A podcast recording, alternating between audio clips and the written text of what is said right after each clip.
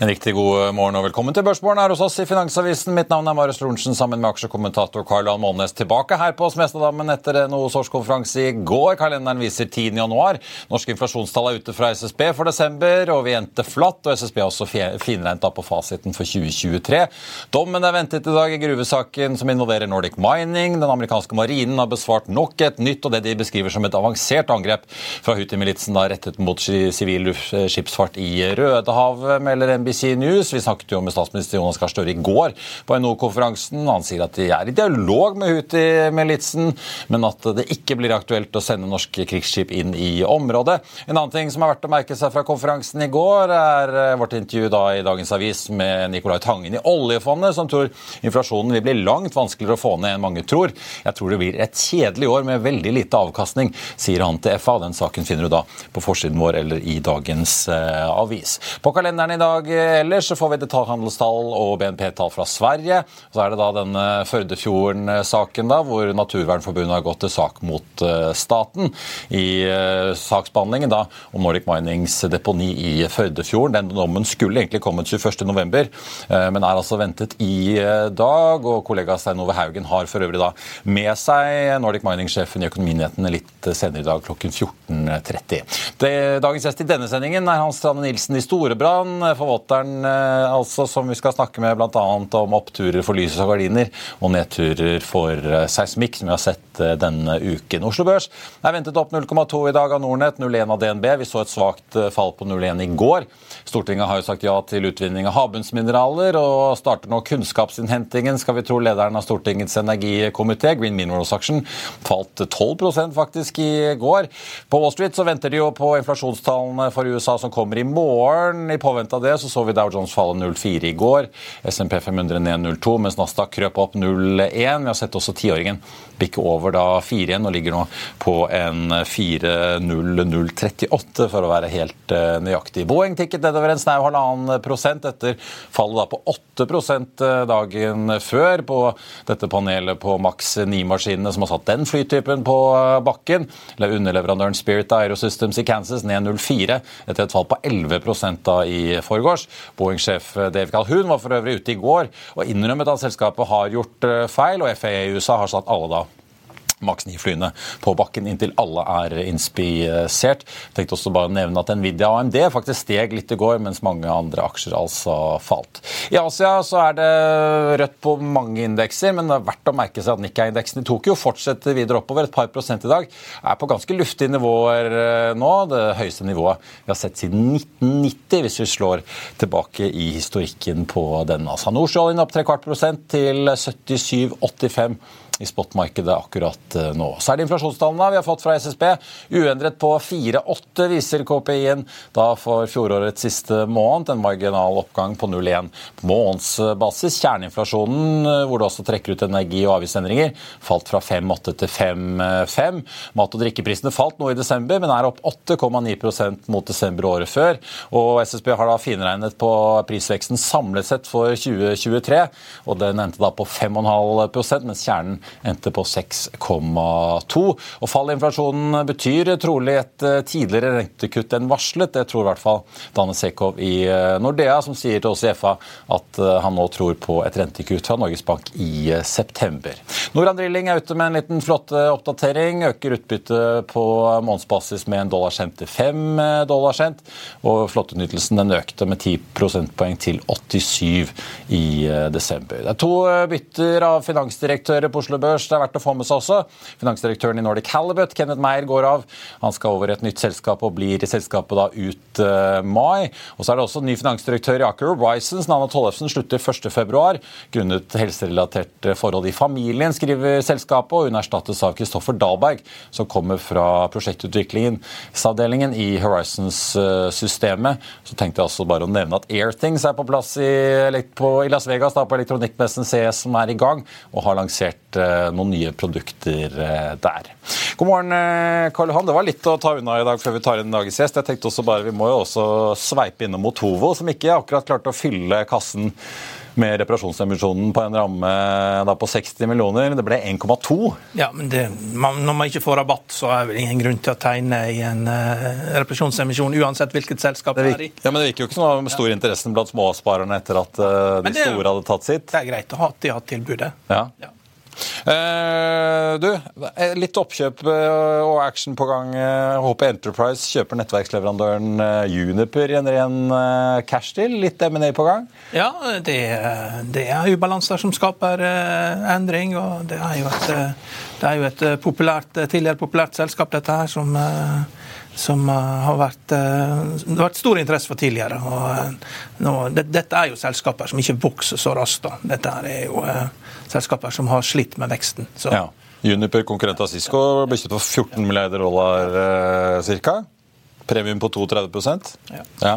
Ellers så ble det litt krøll for eh, det amerikanske kreditt- og finanstilsynet i går, SEC. De sier at eh, kontoen deres ble hacket da det plutselig kom en melding om at de hadde godkjent ETF-handel i bitcoin. Ja, Det eneste som manglet der, var jo at dette ble sendt ut klokken 4.20 på ettermiddagen. da, så du fikk 420. Det var sendt ut 4.11, og det varte sånn ca. i fem minutter før de fikk eh, avkreftet det. da, så to milliarder dollar i endring i market capen på bitcoin, så nå kan man jo da prøve å gå etter og se hvem det er som har posisjonert seg for dette her. og Det blir interessant å se da, hva som blir oppfølgingen. og eh, Det er ingen som vet egentlig hva, hva som er årsaken, om det var noen som hadde kladdet en, eh, en tweet-melding som skulle ha gått ut, eller om det er bare ren manipulasjon, og hva som er kilden til det, vet man ikke. Nei. Ja, for jeg så CNBC omtalte de sitter jo faktisk og behandler en sak ja. om uh, å godkjenne ETF-handel i bitcoin i USA etter uh, innspill fra noen ulike forvaltere som ønsker å gå inn i det? Ja, men generelt sett da, så er jo det sånn at uh,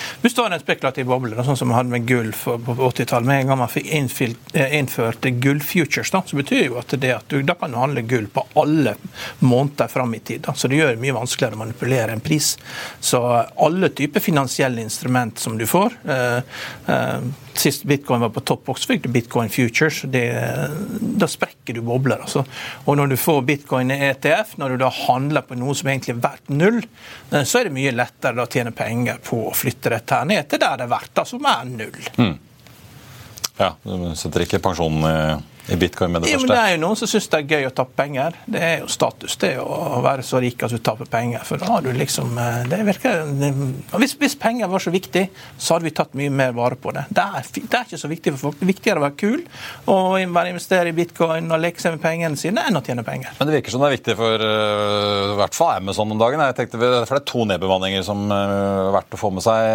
Amazon nedbemanner i denne livestreaming-tjenesten Twitch, som de kjøpte for ni år siden. Har ikke tjent penger siden. Black BlackRock også ute og nedbemanner litt. Snakker om store endringer i forvaltningsindustrien, fremvoksen av ETF-er. Altså. Ja, det er 3, 3 de sier oppe i BlackRock. Det er en stor butikk. så de, og de merker konkurransen av Vanguard da, som kommer og spiser seg inn i og det er klart Vanguard, da, Når du har fokus på indeks, da, så, så indeksprodukter, eh, så scorer Vanguard mye mer. da.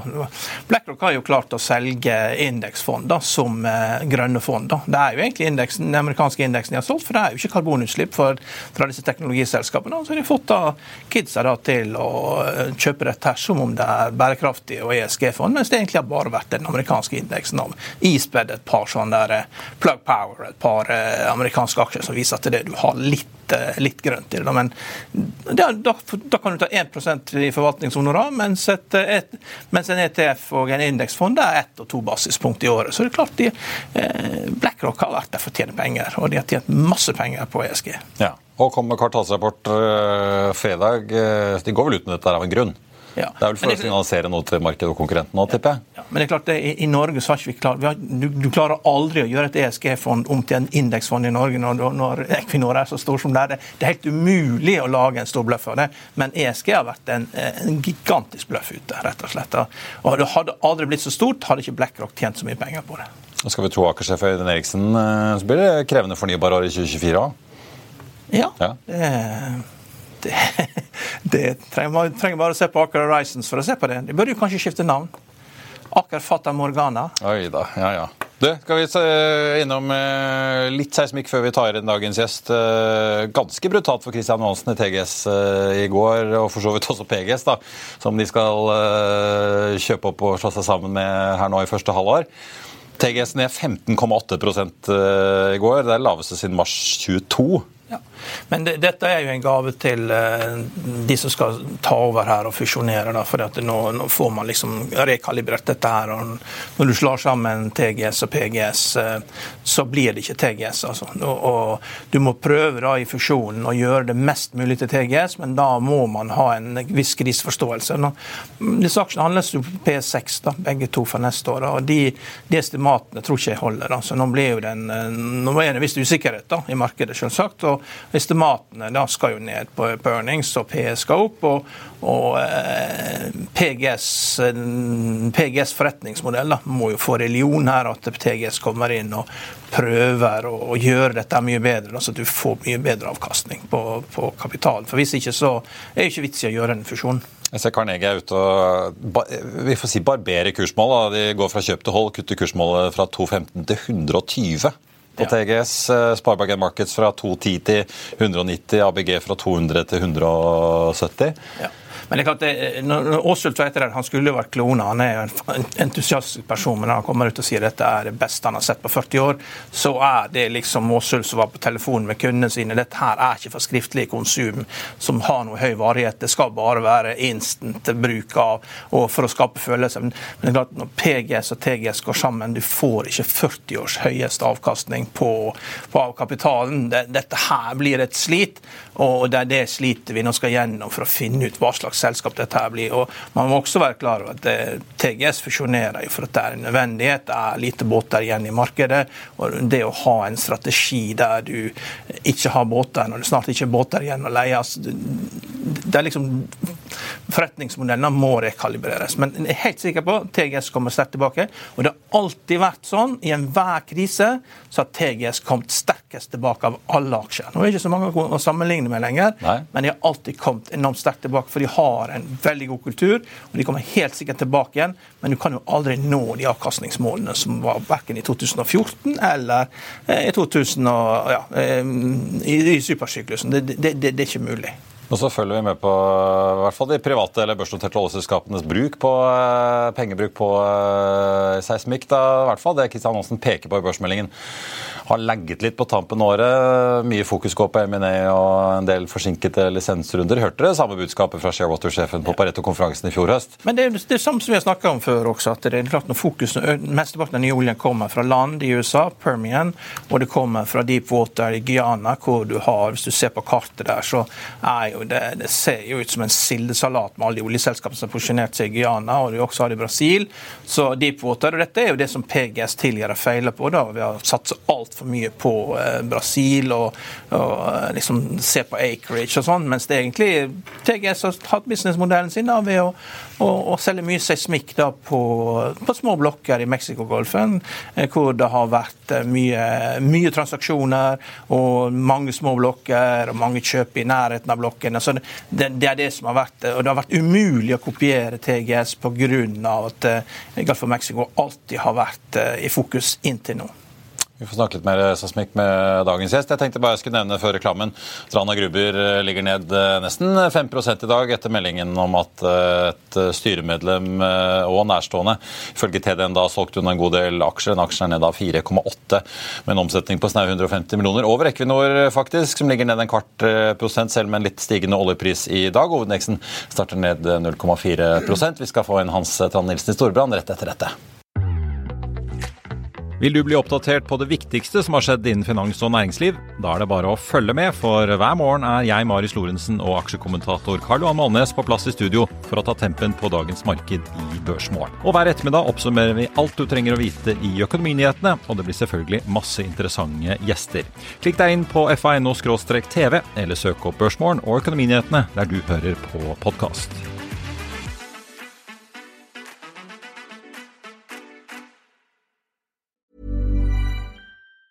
I'll see you in court. Vi sier det ofte litt på spøk, men for deg som driver business, er det aldri moro å innse at du ikke har laget en 100% gyldig kontrakt. Du bør ikke risikere hele firmaet ditt fordi du synes dette med kontrakter er litt stress. En avtale er ikke en avtale. Du kan miste kunder, miste venner, ja, til og med miste inntekter om du ikke lager en skikkelig kontrakt, på alt mulig, egentlig. Men vi vet det er et styr. Kopimaskiner, tregprinter og haugevis av papir. Dessuten stoler vi jo på folk her i landet. Det er ofte litt kleint å skulle be om en signatur for alt mulig, ja, for mye av styret handler også om jakten på underskriften. Det finnes en enkel måte å løse dette på, Dukkobit, en trygg, effektiv og get this, gratis måte å sikre seg en god natts søvn pluss en juridisk bindende avtale. Dukkobit-appen har de strengeste sikkerhetskrav i bunn, samt en EU-godkjent og sertifisert teknologi. Framover vil det bli behagelig å spørre du, skal vi skrive under på det, eller? Kom i gang på dukkobit.no. Da skal jeg si god morgen og velkommen til Hans uh, Trane Nilsen. Uh, ja, minus 15, nesten 16% på TGS og PGS i går. Surt. Sitter dere i fondet ditt uh, i disse to seismikkameratene? Vi har aksjer i TGS, ja. ikke PGS. Vi har en liten undervekt i TGS på huset. Og de er jo låst, uh, altså Bytteforholdet er jo ja, låst, så de, så de vil jo følge hverandre her. Ja. Men vi har aksjer og har tapt eh, kroner i går på det, vi også. Men Hva tenker du om det Johansen snakker om at det som bremset i late sales på tampen av året? De har jo tre inntektsstrømmer i TGS, mens PGS har kontraktutleie av skip i tillegg. Og det han sier er jo typisk for sektoren hvor mengde late sales, altså ettersalg av multiklientseismikk, det er veldig variabelt. Det hopper og spretter, det har det alltid gjort. Så er det som dere var inne på i sted, det er syklisk og viser ofte et opp- og nedsving som følger oljesykkelen. I dette oppsvinget så har TGS sitt sensalg av seismikk vært hakket mer hopp og sprett enn vanlig. Det har ikke kommet jevnt opp, og da noe av det er forskjøvet til fordel for prefunding, altså salg av multiklient med cash inn før man gjør skytingen. Og noe er gjort ved at oljeselskapene fortsatt nok tærer på lager av seismikk, som mange av de store majors var veldig flinke til å kjøpe i 2018, 19 og 20. I den nedturen så trengte seismikkbransjen penger. Oljeselskapene kjøpte seismikkblokker og har tæret på det. Og så var det som eh, Karl Johan snakket om i sted, enkelte steder på kloden hvor det bygges svære utbygginger offshore, hvor man bygger ut i Guyana i Brasil. Man leter med boreskip i Namibia, som antas å kunne være noe i nærheten av Guyana og Surinam. Og så er det olje på land. Og for ta 22, hvor ConocoPhillips gjorde et stort oppkjøp på landet i USA, så er det kortere tid til vi får olje. Det er billigere olje per eh, kubikkmeter. Og det samme har eh, Chevron og Exxon gjort nå i fjor. Alle disse her store kjøpere av multiklientseismikk og har nok hatt annet å pusle med akkurat nå. Exxon er opptatt av Pioneer og Permian-basseng. Og, ja. og Exxon har jo også i et tiår hatt uh, sagt opp folk i sin analyse- tolkningsavdeling. Disse folkene som jobber med å tenke og kartlegge seismikk og finne ut av hvor skal vi sette borestrengene, de er betydelig færre der i Exxon i dag enn hva de var i ja, for 2014, som ble nevnt her i sted. Men det at aksjene faller så kraftig som de gjør eh, altså PGS har jo vært en aksje som har svingt mye fordi de er såpass mye mer giret. da. TGS har nok pleid å gjort det. og Senest i eh, fjor sommer, etter andrekvartalstallene i fjor, så kom TGS med et tilsvarende varsel, og kursen falt til dels mye. Ja. Og Det er en iboende risiko som er i en bransje hvor så mye korte penger jager ting man ikke har oversikt over. Det er jo ingen som vet hvor late sales går utenom selskapet selv. Og Det er jo åpenbart ikke sluppet noe i forkant her, det har ikke lekket noen ting på dette. Så øh, dette er vel det man kanskje må regne med, skal man være i seismikkbransjen alene. Du skal jo du skal til denne famøse, som vi også skal, olje- og energikonferansen i Sandefjord eh, neste uke. Du kaller den famøs? Er det... Ja, den er famøs i oljenæringen i hvert fall. Ja. Men eh, du skal jo snakke om kapitaltilgangen til oljenæringen der. Apropos eh, seismikk, vi vet jo Sharewater også kommer på børs. Hvordan ser dere liksom på det å investere i denne sektoren nå? Det er jo et, For oss som har penger på Oslo Børs og har mye penger der, så er avkastningsalternativet vårt det er alle aksjer på Oslo Børs. Så vi må ikke være i noen spesiell sektor. Og gitt at vi skal ha noe innenfor hydrokarboner, så vil vi jo kunne velge olje og offshore. Og skal vi være i offshore, så er vi jo der så heldige i Norge at vi kan plukke nisjer. Så vi kan velge da om vi syns seismikk ser ok priset ut, kontra andre ting. Og heldigvis gjennom da 22, 23 og 24 så er det andre nisjer vi har hatt betydelig mer aksjer i enn i seismikk. Ja. Men eh, hvis Sharewater kommer seg på børs, er det interessant? Det er et prisspørsmål. Ja. Vi vet at den delen av Sharewater som var i USA under Schlumberger, det var en meget bra enhet. De har to fantastiske store seismikkskip som er gode båter. Og klart, De har du lyst til å eie hvis man får gode rater. Du har ikke lyst til å eie dem hvis de ligger i opplag i en fjord på Vestlandet. Nei. Og Dere snakket om det i sted også hva som har skjedd på båtsiden på seismikk. På det meste i 2012-2013 så var vi over 60 store 3D-skip som kunne skyte 3D-seismikk. Nå er vi nede i kanskje 2-3-24, pluss en håndfull som kan tas i bruk hvis ratene går. Men det betyr at tilbudssiden av skip er mer enn halvert. Karl Johan nevnte det strategiske rasjonalet for fusjonen. TGS ser at det er ikke lenger et bråte av båter å velge i. De kan bli utsatt for prispress på ratesiden. Da ønsker de mer kontroll med skipene selv, og det får de gjennom fusjonen. Og Skulle vi da få et oppsett med kanskje fire aktører, CGG, Sharewater, TGS, PGS og en kineser, så er markedet straks litt annerledes. Ja. Fire stykker globalt i en tjenesteleveranse, det bør bety litt prisingsmakt. Hva er budskapet ditt til denne forsamlingen på øh, hotellet i Sandefjord, uh, Tuken? Vi så Aker låne penger i går, var vel Nibor pluss 1,87. Det er jo det er ikke så langt unna staten. De er jo veldig eksponert mot olje- og gassektoren både på leverandør- og produksjonssiden. Kommer, kommer, du til å riste litt i dem, eller hva er budskapet? Ja, budskapet er vel ikke helt offentlig ennå, siden det er en uke til konferansen. Men det vi ser i Norge som en liten åpen økonomi, er at tilgang på kapital og avkastning investor krever for å investere i Norge, den svinger voldsomt. De beste klarer å time det. De ikke så gode er ofte litt på feil side. Og skal man være til stede i en næring i Norge, så må man være forberedt på ganske store utfallsrom, både på tilgang på penger og på prisen penger har. Det være seg både egenkapital, men også fremmedkapital. Og du sa det jo selv nå, med Aker. Fem års penger på under 2% over Nibor. Det er meget sterkt til Aker å være, og det er et behagelig nivå dersom man kan er så god til å gjøre investeringer som det Aker-systemet har vært nå i ja, 30 år. Ja. Med RGI også på 19-tallet, som er forløpet her. ja, ja. Er det ellers eh, noen sektorer innenfor olje og gass før vi kaster oss over gardinene til Kid eh, som appellerer om dagen? Det er åpenbart en oppsykkel på gang på tjenesteleveransesiden. Vi så den norske skattepakken levere enorme ordre i 2021 og 2022. Og både Aker spesielt Aker Solutions har jo ordrebøker på nesten 100 milliarder kroner ved årsskiftet. Subsea 7 fikk mye å gjøre i fjor. Nå får vi se om de kan eksekvere. Og litt av risken nå ligger vel om vi får betalt for den utbyggingsrisken som er i ordrebøkene. Ja. Så er det ingen tvil om at riggsykelen kommer. Den kommer jevnere enn seismikksykelen. Og det er rate oppgang, rett nok litt korte kontrakter, både for jackups og for flytere. Og så har vi jo sett Petrobras, en som ofte er og som har mye reserver på offshore i Brasil. De har begynt å leie inn rigger for 25, 26, 27. Og vi har også sett hvordan Oddfjell Drilling i Norge leier ut rigger for 2026. Så det som nå kommer i tillegg til at ratene går opp, det er lengden på sykkelen. Og det fins nok noen delvis attraktivt prisede riggeaksjer også, selv om de har steget mye de siste to år. Vi er ferdig med den lette delen av kursoppgangen for disse aksjene. Ja.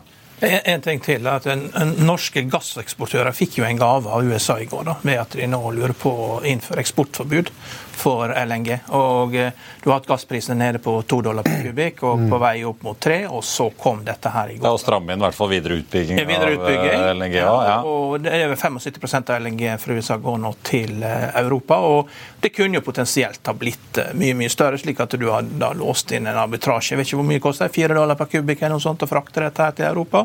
Så at du får en at du har fått den, den tradisjonelle gassprisen i Europa, så er åtte dollar per kubikk. Da kan gassprisen stige til, fra 2 til fire. Da. Og Det var jo det de var på vei til å gjøre. altså fikk et tradisjonelt marked. Men det, det hjelper jo Norge at USA sier det. Og det er sannsynligvis pga. valg, og er, de vil ikke at gassprisen skal stige nå når det er kaldt, og at du skal da sørge for å, å holde nede inflasjonen også i USA nå i dette valgåret. Hyggelig for vår energi og Equinor, da, i så fall. Primært. Det, det, er det. Samtidig så produserer Norge for uh, så mye vi kan. Det selges til Europa. Vi har jo vært hovederstatter av uh, russisk gass i Europa. Og så får vi se om det da slår på prismekanismen. For det er ikke mange marginale tilbydere av gass til Europa. Det er Norge, som eventuelt kan øke minimalt en måned av gangen. Og så er det gass på skip fra USA, som du helt riktig sier. Og her har nok også Biden snakket med de store europeiske kjøperne for å sikre seg at i vinter, når er gassen på plass i Europa, vi vet at lagrene er fortsatt er fulle, da kan han gjøre sånt i en valgkamp. Mm -hmm. Så mulig dette er et smart trekk av, av, Joe Biden for politisk. Han kommer ikke med sånne ting i starten av november, i hvert fall. Da kommer det en hissig telefon fra Berlin, vil jeg tro. Potensielt, da. I den grad Berlin har en uenig kraft i Washington. Men, ja, det, det er for så vidt et poeng òg. Så ville det neppe kommet i fjor. Da ja. Europa var i tvil om vi hadde gass. Nå har Europa gass for i hvert fall tolv måneder frem. Ja. Og det, gjør det, jo, blir jo potensielt enda mer innenlandsgass i USA som gjør at gassprisen i USA holder seg enda lavere, og at det blir enda hyggeligere for Yara-sjefer og andre å bygge ammoniakkanlegg opp Murder til USA. Ja, så det er det fusjonen mellom Chesapeake og Southwest den må gå gjennom, så du får redusert av produksjonen av gass for å få opp prisen. Det blir den andre måten å gjøre det på. Den er jo på gang også. Ja. Uh, venter du mer konsolidering i olje og gass? Nå så vi plutselig Winters ble solgt til Harbour uh, her, som jo har notert på London-børsen, riktignok, da. Men vi har jo sett noen dealer Tror du det kan komme flere som involverer ja, Vi har jo Okea, DNO på Oslo Børs, og så har vi selvfølgelig de tre store. da, Vår og Aker og Equinor. Energifusjoner kommer i tre forskjellige lommer. Og Det ene er når det gjør ordentlig vondt, altså nød. Gjerne en bank som presser på. Den andre er når det er eufori og ekstrem optimisme, hvor en administrerende og en styreleder går på vannet sammen. Da kjøper man ting dyrt. Og til sist så skjer det når pengemengden er så full at du ikke har lyst til å betale mer til aksjonærene, da brenner pengene i lomma. Og det vi har kanskje litt av nå, er det siste, hvor noen pengebinger er svært fulle. Vi har sett disse store oppkjøpene i USA fra Exxon og Chevron, som begge er ca. to og et halvt års EPDA, eller brutto kontantstrøm, for disse bedriftene. Det er såpass kort, om de har lav gjeldsgrad i tillegg. Da vil de kjøpe. Selvfølgelig betinget av prisen på den target de ser efter. Det var rene aksjefusjoner, da? Aksje og ja. aksjecash. Mm. For uh, Equinor, som har Europas sterkeste balanse hva gjelder uh, oil majors og independence, så er jeg bombesikker på at de har vurdert mange oppkjøp det siste året. Men de har heldigvis vist en veldig god disiplin og sannsynligvis trukket seg fra forhandlinger rett og slett fordi ikke de har villet ha det. De har kunnet vært en god kjøper f.eks. av Neptun, men det har ikke klaffet med deres strategi, f.eks. omstillingen til et grønnere Equinor, eller at ikke de syns prisen er riktig. Så Vår tok til stede, og enig? Ja. ja. Og Det tyder kanskje på at vår uenige har hatt litt andre syn på ting enn Equinor, og at Equinor viser fortsatt veldig god disiplin, sin sterke kasse til tross. Hva tror du om utbyttenivået på Equinor? Morgan Stanley er ute og spår kutt, ser Utbytte er jo alltid en funksjon av hva du tjener og hvor mye cash du har.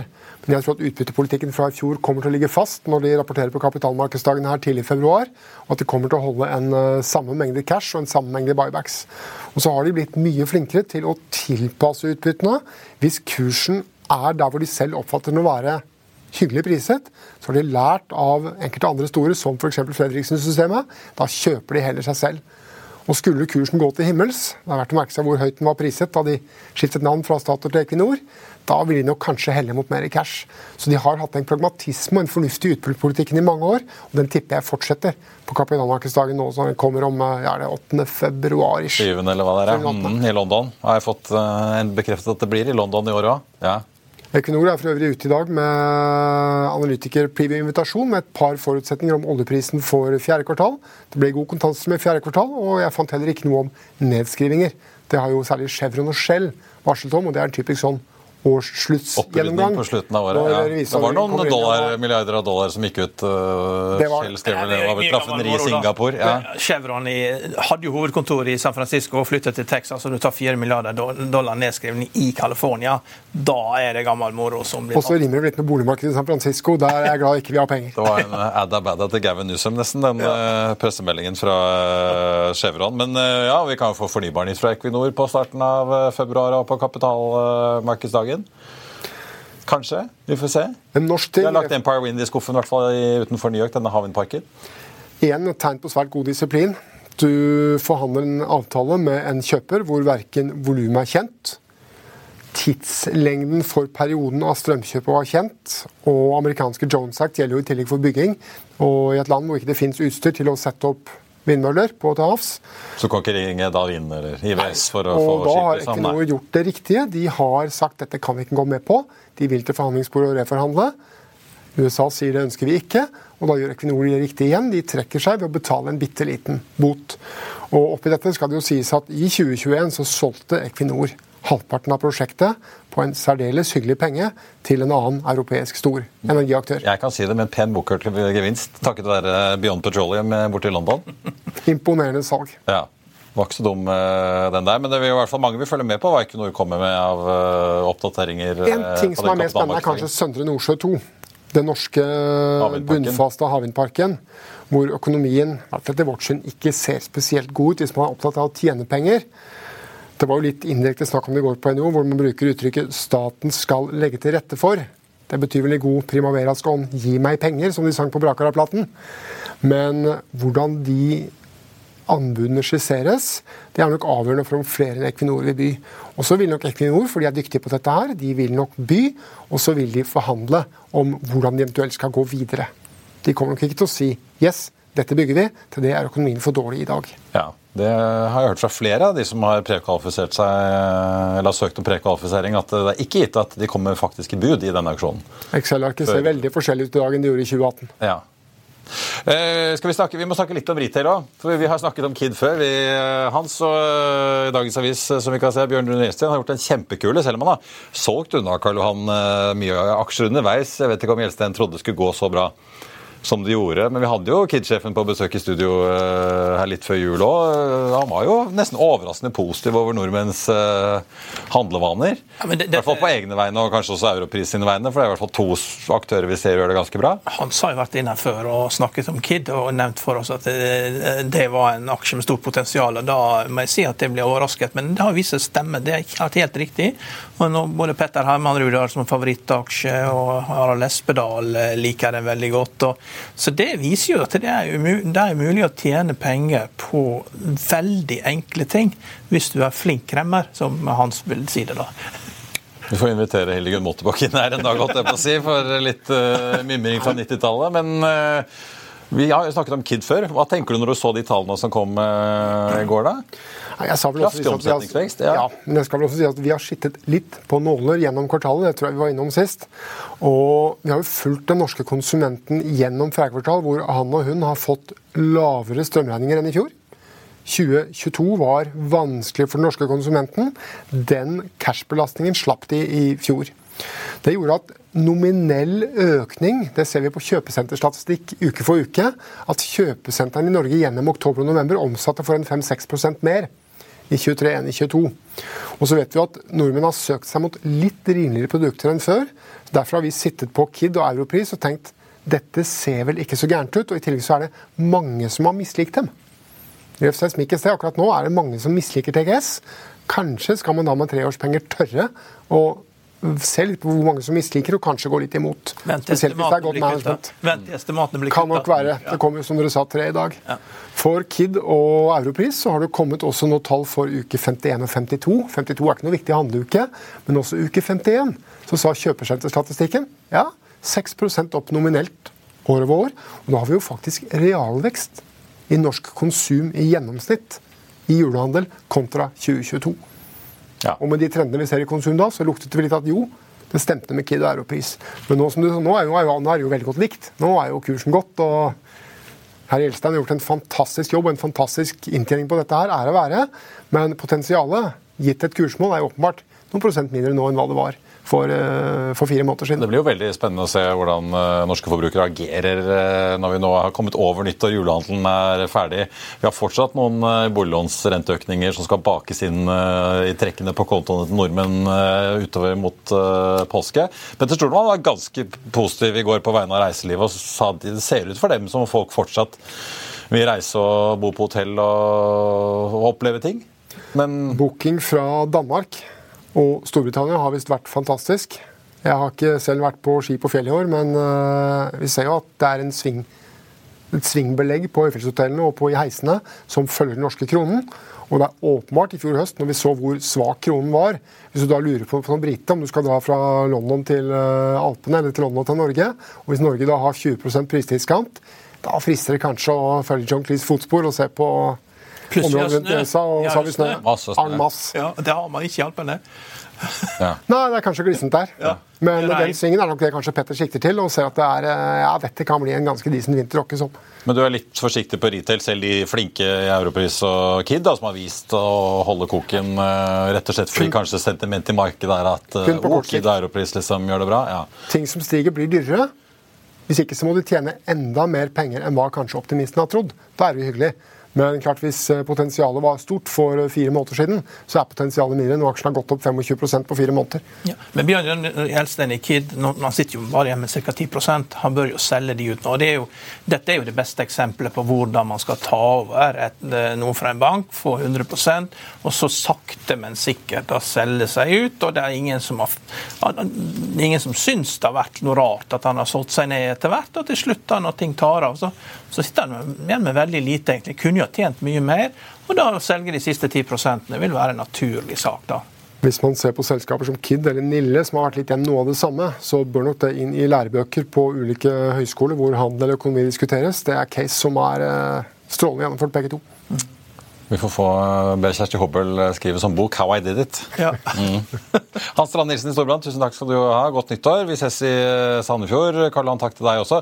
Tenkte bare på tampen å nevne at hovedveksten ligger da ned 0,3% i dag. Både TGS og PGS har snudd litt oppover etter de kraftige fallene da i går. PGS 2,5% opp, TGS 1,4 og Tovo ned 1 prosent til 3,32, da med en emisjonskurs på vel 3,45, der de fikk inn fint lite av kvoten på 60 millioner i reparasjonsmisjonen. Det er noen flere analytikeroppdateringer utover eh, TG som er verdt å eh, merke seg. Frontline, der er Deutsche Bank oppgradert fra hold til eh, kjøp. Jekker opp kursmålet fra 17 til 26 dollar. På BVLPG, der vi jo så den kommersielle direktøren slutte her tidligere i uken og bli erstattet av konsernsjefen selv, holdt jeg på å si. Der er Kepler Chevreux ute og skrur opp kursmålet fra 142 til 262 kroner, 267, unnskyld, og gjentar sin kjøpsanbefaling. Den endte i går på 159. Og Så er det Nordic Semi, der hvor det er en ny sjef eh, på vei inn i disse dager. Jeffreys oppjusterer kursmålet der fra 125 til 195. Ganske kraftige oppjusteringer der også. Gjentar sin kjøpsanbefaling på Tech-aksjen, som altså fikk mye medfart i fjor med mange resultatvarsler. Aksjen lå i går på 111. Og Så har vi tørrlastrederiet Golden Ocean. da. Pareto oppgraderer der fra hold til kjøp. Løfter kursmålet også ganske mye, fra 8,50 til 13 dollar aksjen. Eh, på da tørrlastrederiet til eh, Jon Fredriksen, som ligger opp nesten 5 i dag til 103 kroner og 70 øre aksjen. Det var børsmålen for den eh, onsdag 10. januar. Husk å få med deg da økonominyhetene 14.30. Stein Ove har da med seg Nordic Mining-sjef Ivar Fossum. Så får vi se når vi får dommen utover dagen. Den får du i hvert fall på fa.no når den er klar. Ha en riktig god onsdag alle sammen. Vi ses.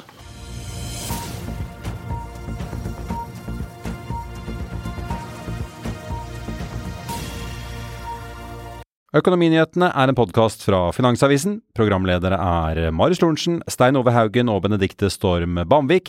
Produsenter er Lars Brenden Skram og Bashar Johar. Og ansvarlig redaktør er Trygve Hegnar.